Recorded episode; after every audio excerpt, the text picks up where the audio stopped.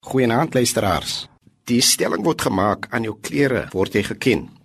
As iemand 'n soldaat, 'n busbestuurder, 'n atleet, polisieman of vrou of 'n kok is, sal die klere wat die persoon dra aan ons die persoon se professie aandui. Die uniform dui aan watse werk die persoon doen. Ons het dit min of meer reg gekry om mense in kategorieë te plaas volgens hulle drag of uniform wat hulle dra. Dit is selfs waar dat ons voorkoms in 'n groot mate die aanduiding is van wat se status en posisie ons in die samelewing het. Soveel so dat die stelling dan nou juis amper waar kan wees aan jou klere of jou voorkoms word jy geken. In 'n geestelike sin is dit waar dat ons voorkoms ons identiteit weerspieël. Paulus aanvaar dat Christene 'n kenmerkende voorkoms het.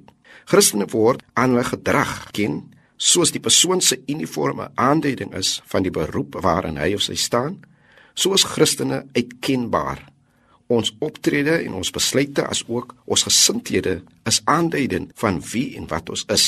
Hoe ons optree en hoe ons dinge hanteer wys wat ons vermoëns is.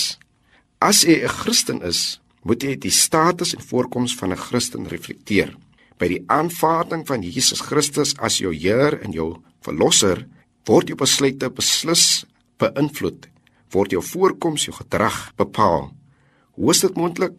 In Kolossense 3:9 vind ons die woorde: Omdat julle die ou mens met sy klere afgelê het, dit wat eers as normaal met verkeerd was, word nou vir ons abnormaal.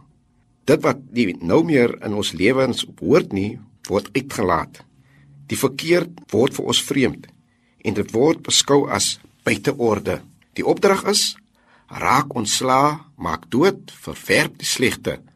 Dit beteken aangesien jy 'n nuwe pos het, nuwe aankoms by Christus gehad het, word jy nou as anders beskou. Die dinge wat kenmerkend is aan mense sonder verantwoordelikhede, is ons mee klaar. Hoe lyk die nuwe mens? Hulle is vol van die liefde van Christus. Aan ons voorkoms, ons optrede sal ons geken word. Die Here help vir u om so vir hom te lewe. Amen.